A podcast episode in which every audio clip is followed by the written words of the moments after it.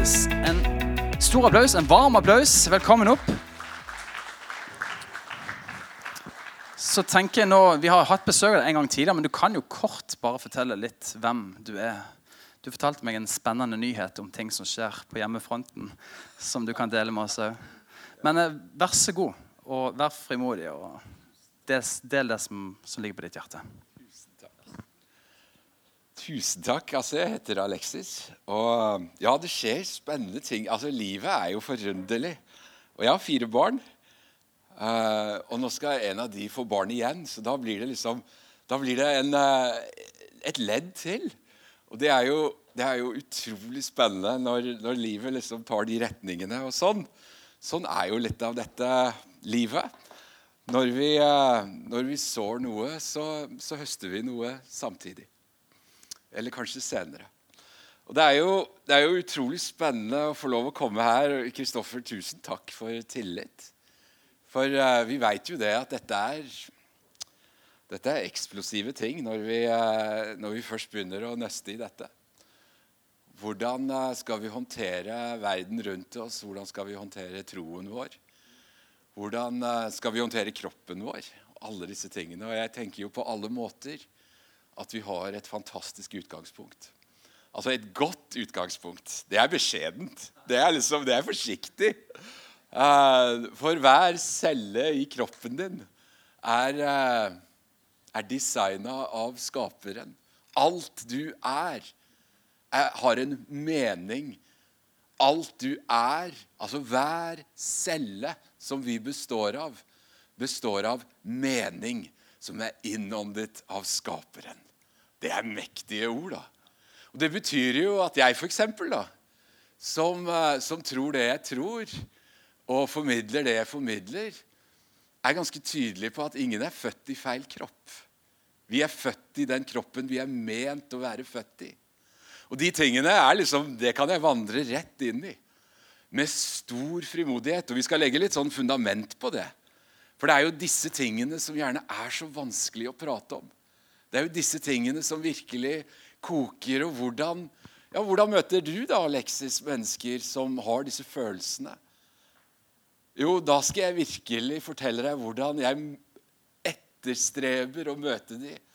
Med varme og raushet og kjærlighet og ydmykhet. Og Det er liksom, det er denne her balansen som vi hele tiden skal finne. Men vi må være dypt forankra i hva som er sant, og hva vår kropp og hvilken historie vår kropp forteller. Og dette med kropp og seksualitet og identitet er jo krevende. Det er utfordrende. Fordi at vi er i konflikt med den verden vi lever i. Vi er ofte i konflikt med oss selv og vår egen tankesett og vår egen kropp og fristelse og begjær og alle disse tingene som liksom koker. Men så er det noe inni dette her som er sant. Som er forankra i en skapende kraft som er skrevet ned i hver celle vi bærer i oss. Og Da må vi tørre å grave litt på dypet av hva vi er. Og er det en som har gravd på dypet, så er det den nå avdøde eh, paven, pave Johannes Paul 2., som holdt over en femårsperiode så holdt han taler på eh, Petersplassen som, nå, som ble til en 800 siders murstein av en bok som heter 'Kroppens teologi'. Hvor han snakker om hva er det som gjør oss til menneske. Hva er det som gjør oss til mann, og hva er det som gjør oss til kvinne? Og det er fantastisk å begynne å grave i dybden av hva dette er. Men um, Livet tar jo stadig vendinger, da. Og jeg, eh, som Kristoffer sa, så jobber jeg som sagt i, eh, i en organisasjon som heter Tro og Medier. Som, eh, som ser sånn ut som dette på framsida. Hvordan vår nettside kommer opp. Hvis du tar den sliden som heter Tro og Medier. Det er den første sliden. Og der, det, der jobber vi jo ut ifra godhet og sannhet og tro. Og så opplever jo jeg i den verden som jeg lever i, og som du lever i, at det, det, å jobbe med identitet og seksualitet og kropp, som jeg gjør da, på fulltid rundt omkring i hele Norge, Og i skoler og i organisasjoner og kirker og ledergrupper. Og i morgen skal jeg på en svært lederkonferanse i Kristne Friskolers Forbund og holde et innlegg om hvordan leve som Daniel i vår tid. Eh, Knytta til disse spørsmålene. Det er liksom den verden jeg lever i. Og så er det en Instagram-konto som, eh, som, er den neste sliden, som, som heter um, Nye Magasinet. og De plukker stadig opp sånne kristenting i ulike aviser eller Vårt Land eller Dagen. Og så står det her Søkes kvinne som kan snakke med unge om sex. Fordi Jeg hadde et Facebook-innlegg som jeg egentlig ganske sjelden har. For jeg, jeg, er ganske, jeg, er ganske, ferdig med den digitale verden. Jeg er ganske, ganske fint ferdig med Facebook, for å si det rett ut. Jeg, jeg veit at hva jeg jobber med, og hva jeg holder på med det er, det er, dårlige greier der ute. For der er det veldig mye som handler om rett og galt. Og jeg er veldig opptatt av sannhet. Det er det jeg er opptatt av. Hva er det som er sant? Og det er klart, Kommentarfelt i Facebook handler stort sett om rett og galt. Og du går der, og du går der, og så er vi ferdig med det. Men det er, er, det er en høyere vei her, og den heter sannhet. Jesus var veldig opptatt av sannhet. Var det noe han var opptatt av, så var det sannhet. Og det er jo et eller annet da, når vi liksom uh, kommer inn i den verden vi er. og Hvis du tar det neste bildet, så, så, var liksom dette løsningen deres. da. Og det var sånn. Det var da denne kvinnen de tenkte vi skulle få til å hjelpe oss. Og det Som noen av dere kjenner, kanskje ikke alle kjenner, det er Sofie Elise. Som jo snakker om kropp og seksualitet på en helt annen måte. En helt annen innfallsvinkel. Som jeg da tenker er jo skadelig. Og ikke sant. Altså Det er langt ifra sant. For det, liksom, det består av av mindreverd og Botox og alt som egentlig er vanskelig og utfordrende. Om det er Sophie Elise eller om det er Andrew Tate som liksom skal oppdra gutta, så vi, er vi liksom skikkelig ute å kjøre når det kommer til hvem er det som skal snakke om disse tingene. Og hvordan skal vi snakke om det? Og hvilket språk er det vi skal snakke om? Ja, kroppen vår og seksualiteten vår. Og, hvordan, og hvilke rammer skal vi sette det inn i? Og Det kommer jeg til å snakke en del om i kveld, og da skal jeg bruke masse ulike sånne medieinnganger. Når vi liksom setter det inn i populærkulturen og setter det inn i om det er i Instagram eller om det er på TikTok, eller hvor det nå er, så blir jo dette snakket om der. Men det som er så spennende, da, det er jo at eh, jeg veit at jeg har en bedre historie å formidle. Altså, Jeg er klar over det, og jeg er veldig frimodig på det. Og Hvis vi liksom går fram til utgangspunktet her, da, hvor vi eh, hopper fram igjen til den første, den sliden Et godt utgangspunkt, som jeg jo tenker er, er der vi må starte. Hvor vi liksom tar utgangspunkt i hva er det som er sant. Når jeg sitter og snakker med mennesker, som jeg jo gjør og jeg, I utgangspunktet så har jo jeg et, i utgangspunktet så er jeg sønn. Det er det jeg er. Jeg er sønn til den aller helligste. Men så er jeg òg far. Og jeg er far til eh, mine fire barn. Og nå skal jeg jo bli bestefar. Det høres veldig gammelt ut, men eh, jeg gleder meg som et lite barn. Og, ehm, og så merker jeg jo etter hvert som jeg liksom trør inn i eh, ja, Hva heter det? Heter det modenhet? Kanskje det heter modenhet. Altså Jeg er 50 år, og jeg, liksom, jeg kjenner jo at livet mitt er på vei inn i noe som er veldig spennende. Og Det betyr at eh, jeg får lov til å bruke farshjertet mitt på flere. På flere mennesker. Og I min situasjon, da, hvordan det ser ut, så er gjerne det mennesker som kanskje hadde følt seg utilpass her. Kanskje ikke akkurat her, for her opplever jeg nok at her er det veldig mye rom. Men kanskje utilpass i liksom det generelle Kirke-Norge. Og Det er jo mennesker som kanskje faktisk opplever konflikt med sin egen kropp konflikt med sin egen tiltrekning. Som gjerne har gjort ting med kroppen sin. Som gjerne har ulike issuer. Som jeg tenker absolutt bør være her. Men de syns det er utfordrende. Gjerne fordi de leser Facebook-kommentarer og har liksom fordommer om hva vi kristne tror. Og at vi er liksom ganske fordømmende. Men farshjertet mitt da, er i ferd med liksom å omfavne en god del av de menneskene. Og Det betyr jo at jeg liksom sitter overfor mennesker som eh,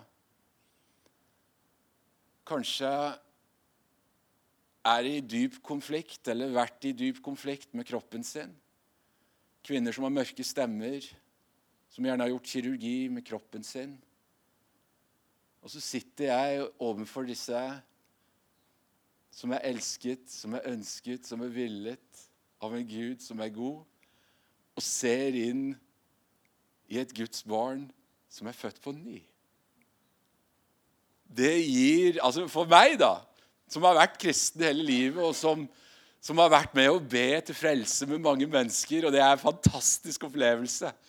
Men for meg å sitte i sånne settinger som det har utvida perspektivet av å bli født på ny. Når jeg liksom kan vandre sammen med et menneske som gjerne har levd som et annet kjønn over tid, og møter Jesus, og så omfavner hver celle i kroppen som sier at du er mann eller kvinne, for det er skrevet ned i hver celle i vår kropp. Det har ingenting med hva vi føler. Det har noe med hva vi er. Og det er jo disse tingene her, da, som er så sårbart. Det er så sensitivt. Vi må ha så mye varhet og varme og kjærlighet. Og denne bønnesettingen vi hadde her i stad Jeg måtte jo trå forsiktig inn i det. Hvis ikke så hadde jeg ligget på gulvet. For det er noe her med Den hellige ånd. Og når, når du snakker om sannhet, og når du ber, og når vi vet at det utgangspunktet som vi hadde inngang i denne bønnen, det er det som to blir enige om, så snakker vi om at det, fellesskap, som jo er i dette rommet, er noe som vi er designa for. Går vi tilbake og inn i skapelsesberetningen og hvordan mennesket ble til, og historien som er utgangspunktet vårt, så ble ikke denne mannen som het Adam, han ble ikke hel. Han, det var noe som manglet. Det var noe som var ufullkomment i, liksom, i han før han så henne. Da begynner vi å snakke om kroppens teologi og betydningen av hva vi er.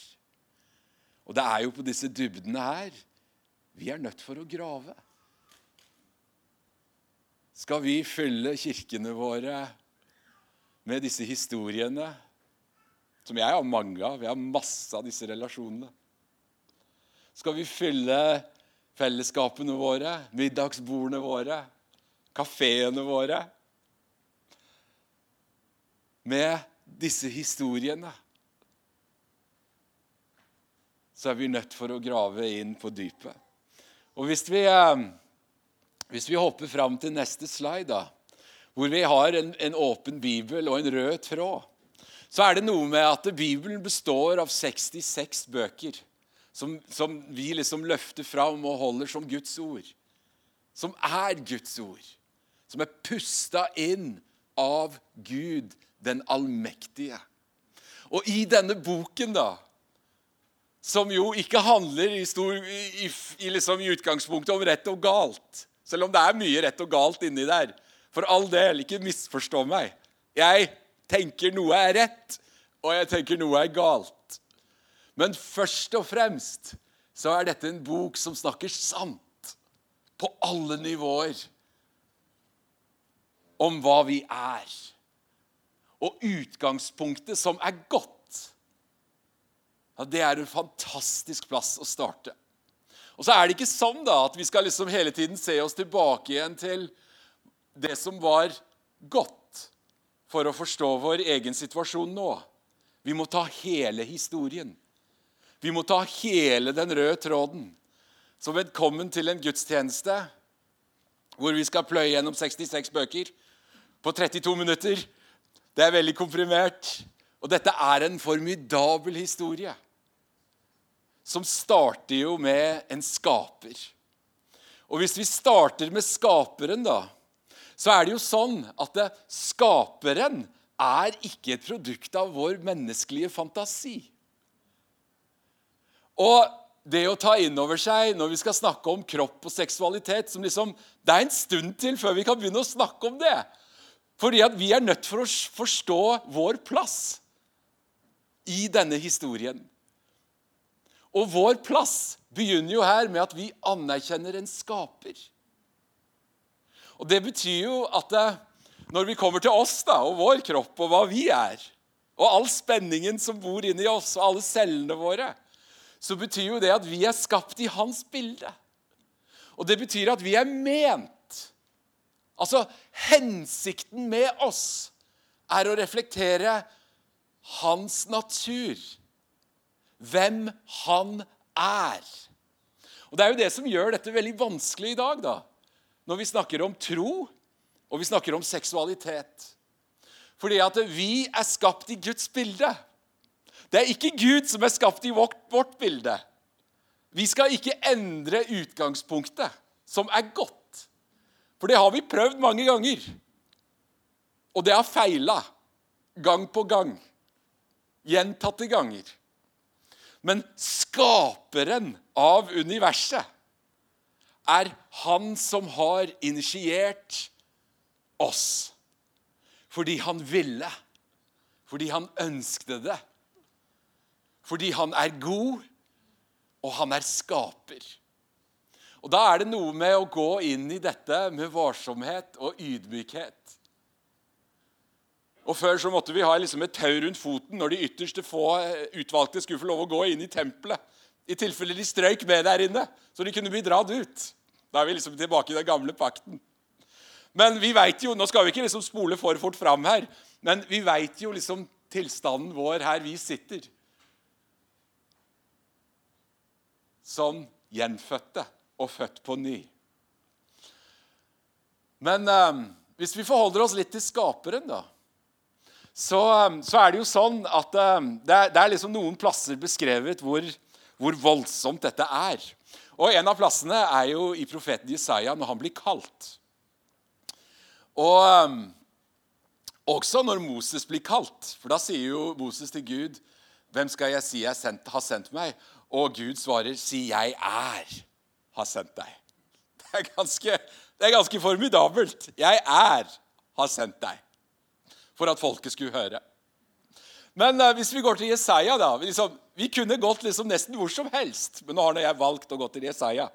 Og under, uh, under denne prosessen hvor Jesaja skal, uh, skal bli utvalgt og bli kalt, som ligner jo liksom på 'Ringenes herre', for det er, liksom, det er så mye greier i denne historien at det er nesten vanskelig å holde beina på bakken.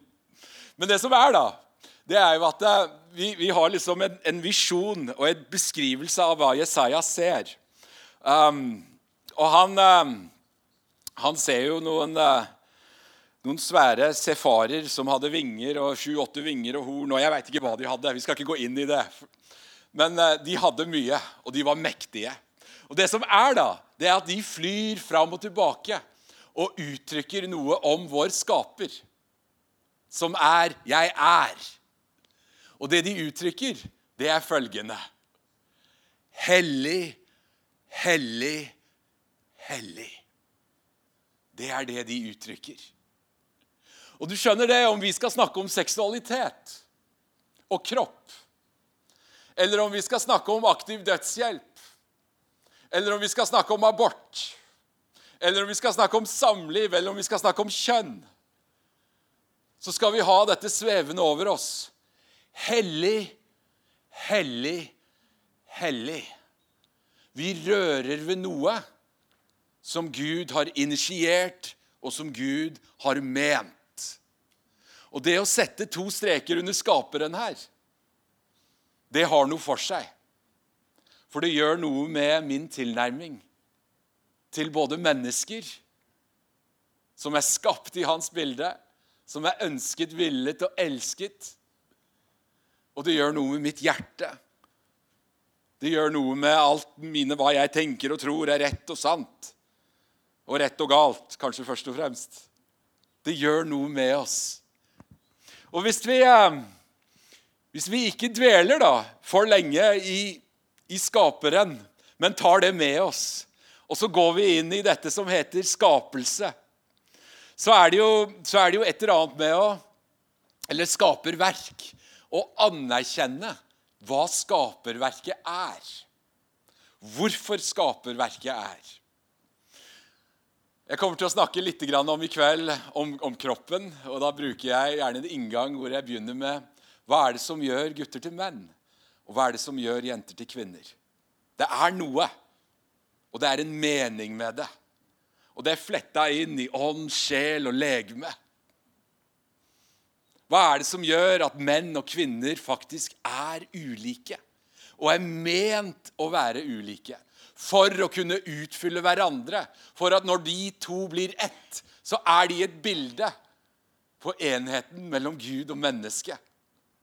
Det er noen enorme bilder og noen enorme fortellinger knytta inn i hva vi er som menneske.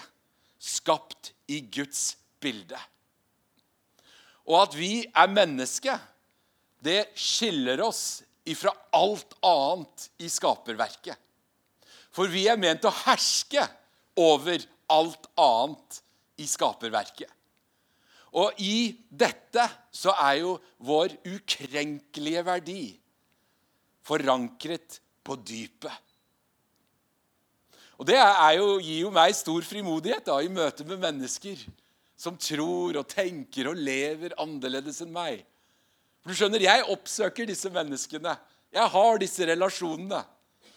Det gir meg stor frimodighet i møte med mennesker som tenker og tror annerledes enn meg. For jeg har en visshet om deres utgangspunkt er villet, ønsket og elsket av en Gud som er god.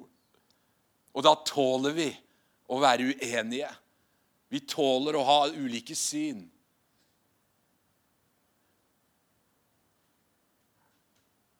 Men jeg er frimodig med å snakke sant. Fordi at kroppen vår forteller en historie når det kommer til disse spørsmålene. Og Vi skal gå inn på denne historien i kveld, så jeg prøver å lokke deg inn i kveld. hører du sikkert? Fordi at det er jo virkelig når vi begynner å bore ned i biologien vår, dette blir veldig synlig.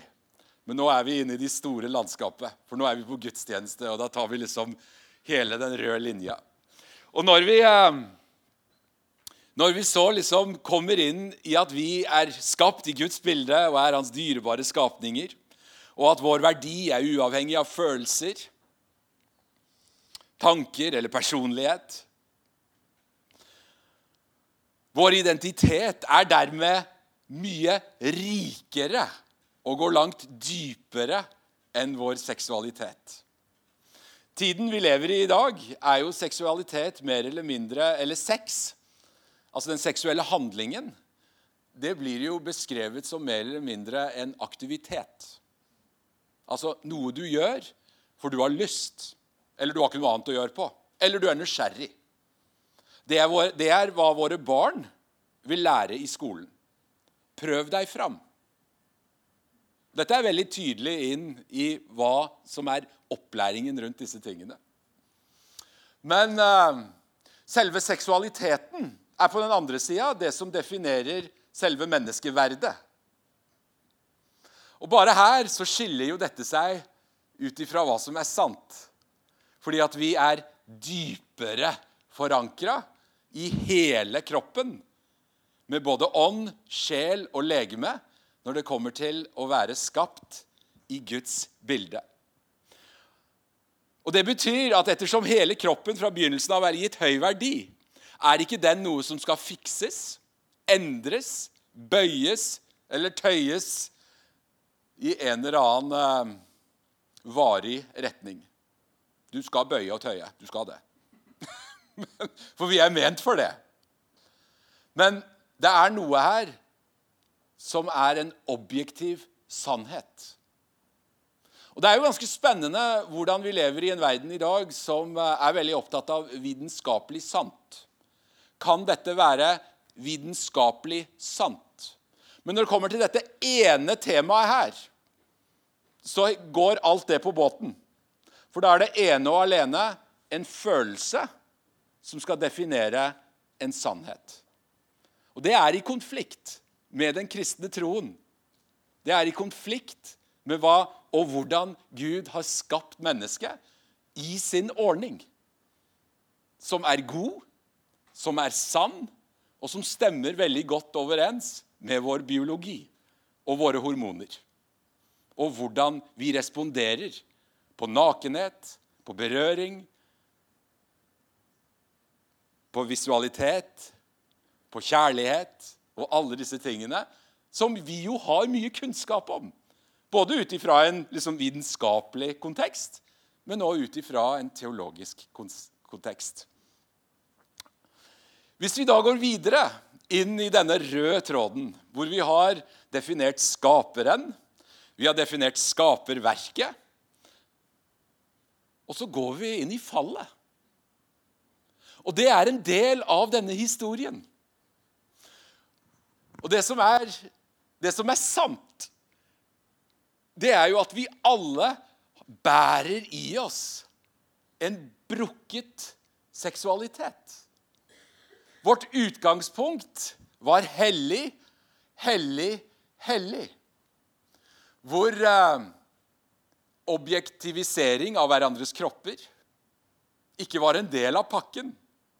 Fordi at vår, våre kropper i utgangspunktet er ment å speile Gud og hvem han er.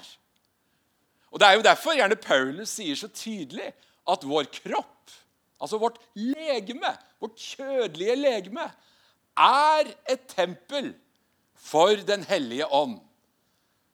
Og vi skal håndtere den deretter. Men fallet har gjort noe med oss. Og det er jo det vi kaller for arvesynd, som er blitt nedarvet ifra fallet. Dette fallet da, handler jo i stor grad i utgangspunktet om vantro til Gud. At vi vil bli som Gud. Men eh, fordi at vi er jo ment i utgangspunktet her, du og jeg, å være på mottakersiden av en gave. Det er det vi er ment for. Og I dag så lever vi i en tid hvor gjerne Gud fortsetter å gi denne gaven. For han har gitt oss en kropp. Og gaven er gitt oss. Og så er vi i stor grad lite fornøyd med denne gaven. For vi vil endre den. Vi vil modifisere den. Vi tror ikke gaven er sann, osv. Og, og alle disse store spørsmålene som ligger og flyter inn i denne samtalen. Denne vanskelige samtalen.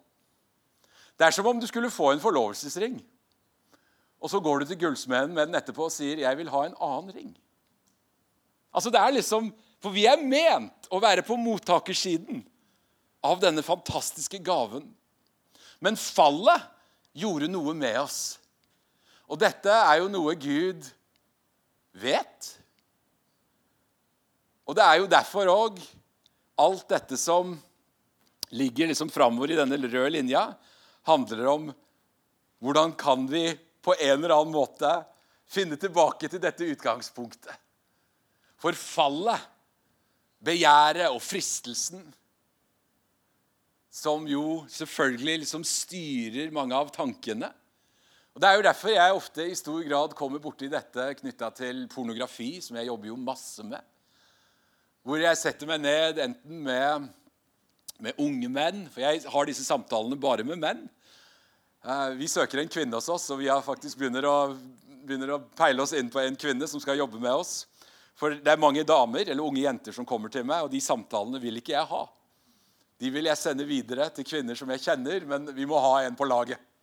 Men disse samtalene da, med unge menn som jeg har, om det er unge gutter i 15-16-årsalderen, eller om det er menn i 20-åra, eller voksne menn på min alder, som sliter med pornografi og avhengighet til det og Det er som en, er som en uh, slange som bare biter i akilleshælen. For hjernen vår er nevroplastisk, og dette er avhengighetsskapende, og det trigger så masse greier. Igjen, da. Jeg skal si litt om det i kveld. Men uh, det første jeg gjør da, i sånne typer samtaler, det er jo å prøve å begynne å nøste i utgangspunktet. Hva er det du er ment for, da? Hva er det du er ment for? Du er mann. Du er skapt i hans bilde. Hva er den dype meningen med deg og din kropp? Jo, det er at du skal gi, ikke ta. Det er styrken din. Det er skuldrene dine. Det er beinbygningen din. Det er hver celle i din kropp. Ja, det er til og med kjønnsorganet ditt. Du skal gi og ikke ta. Og i ytterste konsekvens så gir du et frø. Da er vi inne i forplantningen. Da er vi virkelig inne i noe spennende her. For da gir du noe til noe som er større enn deg. For dette egget som tar imot, er langt større. Og sitter inne med langt mer ressurser. Fordi at det hører til inni et mysterie som heter kvinne. Og Jeg lever jo med en kvinne, og det har jeg gjort i 32 år. Og hun er fortsatt et mysterie. Og jeg forvalter det på en best mulig måte. Og anerkjenner det, at jeg finner ikke helt ut av deg, for du er annerledes. Du er bein av mitt bein og kjøtt av mitt kjøtt, men du er annerledes. Og jeg trenger deg for å bli hel. På samme måte som mine singlevenner, som jeg har mange av. Eller mine homofile venner, som enten identifiserer seg som homofile eller identifiserer seg som mennesker med tiltrekning til samme kjønn, er avhengig av nære, trygge, ikke-seksuelle relasjoner. Som Kirken kan tilby. Så det er, en, det er ikke sånn at noen er utelatt i denne historien. Det er ingen som er utelatt i denne historien. Jeg har, et, jeg har et betydelig nettverk av disse menneskene i livet mitt. Fordi at jeg trenger disse menneskene. Jeg trenger disse historiene deres. Jeg var ute for noen år siden eh, på en konferanse i Ungarn, akkurat i et sånt miljø som dette, hvor plutselig rommet var fullt i munker, og jeg skulle snakke om Salmos høysang. Hvordan tror du det var? Det var spennende.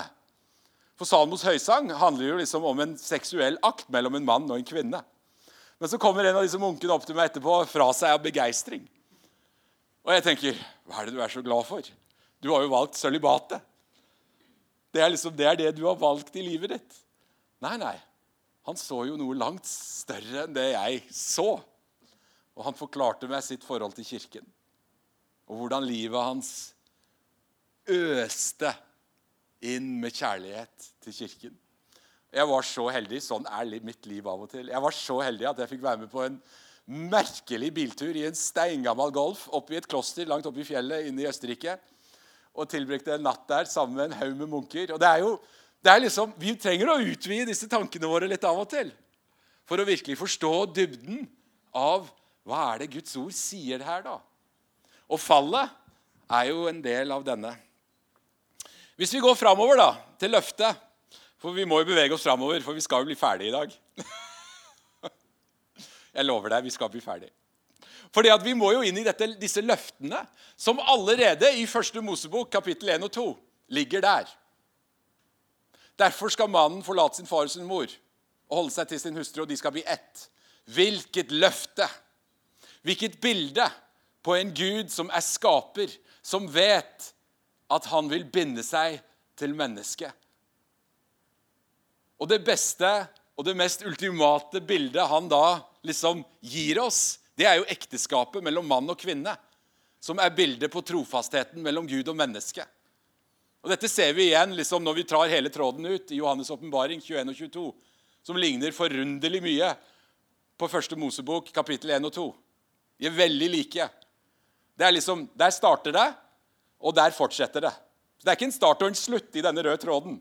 Det er en start og en start. Jeg håper du henger med her, fordi at dette er en svær historie. Og vi liksom bare berører noen små elementer. Og hver eneste side av det innåndede ordet, Guds ord, bærer preg av denne røde tråden. Og Det er jo derfor jeg så tydelig i samtaler med mennesker som gjerne løfter fram seks bibelvers som handler om likekjønnet sex i Bibelen. For det er seks bibelvers som omhandler det. Alle med negativ fortegn med forklaringer og tolkninger, så vil jeg komme tilbake igjen og si ja, men vi har en bok med 66 bøker som hver side løfter fram Guds mening og intensjon med mann og kvinne innenfor rammen av forpliktelse og ekteskap. Så her er det virkelig mye å løpe med. Og disse løftene ligger jo godt forankra i denne historien. Det er jo eh, Det er jo sånn at i en fallen verden så vil den gudgitte, altså den erotiske kjærligheten, mange ganger komme på avveie og ikke gjenspeile den trofaste og forpliktende kjærligheten, erotiske kjærligheten, som Gud har ment. Men det er da bare innenfor de gudgitte rammene for kjærligheten, også den erotiske, vi finner spor av Guds løfter og hans evige kjærlighet. Og Disse tingene er jo noe en må grave i. Og her er, det, her er det så mange ulike fortellinger som beskriver dette. På en, på en nær og på en kroppslig Går du inn i høysangen, så er det så kroppslig som, du, som det går. Den første katolske munken som oversatte Salomos høysang til tysk, sonte seks år for det eksplitte språket han tilgjengeliggjorde for allmennheten. Det er liksom, Dette er beskrivende fordi at det er hellig, hellig, hellig. Og Når vi da går videre inn i dette som uh, jo er liksom den gode nyheten her, da Frelsen. Hvor vi vet at Guds plan i utgangspunktet er god. Vi gjorde opprør. Vi falt. Vi ville bli som Gud. Vi fikk et brudd med oss selv og hva vi er ment for, og vårt utgangspunkt. Og derfor blir Gud menneske. Og vi ser jo at Gud som menneske, i form av Jesus Kristus på korset, ikke skygga unna disse vanskelige spørsmålene. I Johannes 4 hvor han har denne vanskelige samtalen med denne kvinnen, som er så full av skyld og skam og mindreverd.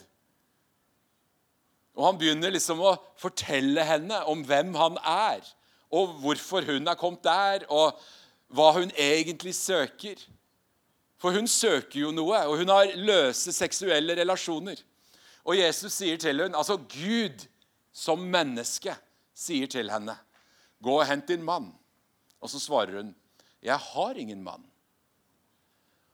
Og Gud som menneske responderer med, 'Der talte du sant, kvinne'. Det er hans respons. Den mannen du lever med nå, er ikke din mann. Og du har hatt fem menn, og de er heller ikke din mann. Men det Gud gjør, det er jo at han ser tilbake til hennes utgangspunkt. Hvem hun er, hva hun er ment å være. Hva han skapte den gangen. Og han vet å velge sine situasjoner. Denne Gud som menneske. For han velger henne. Som var så full av skam og skyld og elendighet for å presentere seg selv som levende vann. For henne, for deg og for meg. Og vi er alle i et desperat behov for frelse. Og Det er jo derfor jeg liksom blir oppmuntra når jeg kommer inn i sånne varme forsamlinger som dette, med varme ledere, og tenker ja, her går det faktisk an å tusle inn og ha det vanskelig. Å være i konflikt. Å være i spennet av hva er jeg, og hvorfor er jeg. Og det er dette vi må tåle som kirke. For vi veit at vi går inn i dette som heter gjenopprettelse. Og da er det jo noe med at det å ta inn over seg disse nydelige Kanans språk, som gjerne min generasjon og oppover elsker, hvor vi snakker om lammets bryllup og disse, disse store ordene, som virkelig dreier seg om gjenopprettelse. Men tilbake igjen til litt der jeg starta, da. Når jeg sitter overfor et menneske som gjerne har fått dårlige råd, fått elendig veiledning, som har en ekstremt traumatisk historie, vanvittige, vonde opplevelser i livet sitt. Som gjerne har gjort ting med kroppen sin. Påført seg selv ting påført andre ting, blitt påført ting. Det er jo her jeg liksom virkelig begynner å ane Ane liksom konturene av setningen 'å bli født på ny'. Og Det er jo gjerne derfor liksom noe av det vi har opplevd og fortsatt opplever med evangeliesentrene, som er liksom som er liksom oss, pinsebevegelsen. Jeg er en del av pinsebevegelsen når jeg ikke har tro og medier-hatten på meg. Så, som er liksom, Det var jo fremmed når dette begynte å skje, og disse røffe historiene begynte å stå her framme med gitarene sine og disse vitnesbyrdene sine. Og jeg vil jo ikke bli forundra om vi skal gå en helt ny runde her med mennesker som har hatt noen andre issuer i livene sine som vi skal virkelig løfte fram. Som vi skal virkelig rulle ut liksom den røde løperen. Som vi virkelig skal velsigne og ta inn som søsken. Som vi skal lide med, og som vi skal gråte med. Og Jeg har noen sånne relasjoner, og det er Jeg veit jo at det er lenger framme i de relasjonene så skal det gråtes noen tårer. For dette er ting som tar tid. Dette er prosesser som er vanskelig. Og da er jo liksom dere som kirke, og dere som er unge i dette rommet, trenger å høre hva som er sant, hva som er virkelig, hva som er meningen, hvorfor vi er. Hva er det som kommer til å gjøre dere til menn, og hva er det som kommer til å gjøre dere til kvinner? Og Det skal vi liksom snakke litt om i kveld, med en litt sånn lettere inngang i, uh, i dette landskapet. Men vi skal grave på dybden. Skal vi reise oss opp? Og jeg ber, eh, jeg ber en, en, bønn over oss. Og jeg takker deg, gode far, for din, eh, din hellighet. At du er hellig, hellig, hellig. Takker deg, Gud, for denne, denne historien. Denne røde tråden som du har malt opp gjennom hele ditt ord gjennom all denne smerten, alt dette som er vanskelig, gjennom alle disse relasjonene og familiene, disse slektsleddene. Og far, vi bare legger hele denne tematikken, alle disse ordene, innenfor din trone. Og vi trekker oss tilbake og lar din hellige ånd berøre oss om det er holdningene våre, om det er frykten vår. Om det er ting inni oss vi trenger å gå noen runder på. Far, bare åpenbar din sannhet, ditt ord, din vilje, din kjærlighet og din hellighet. Far, vi virkelig ber om at du eh, reiser opp en generasjon av unge menn som vet hvem de er, og hva de er. Av unge kvinner som vet hvem de er, og hva de er. Som er trygge på seg selv. Som ikke stiller spørsmål ut av mindreverd og komplekser. Av historier som er blitt fortalt. Uttrykk som brukes. Blikk som er blitt sendt. Far, måtte du bare beskytte disse unge menneskene som er i dette rommet. Gi dem et skjold, gi dem et vern av hellighet og renhet inn i tankene. Far, måtte du med din allmektige kraft gripe inn i både telefoner og tastaturer og alle disse ulike fallgruvene som er så vanskelig å håndtere. Og måtte du gjøre oss voksne som kirke, som foreldre og besteforeldre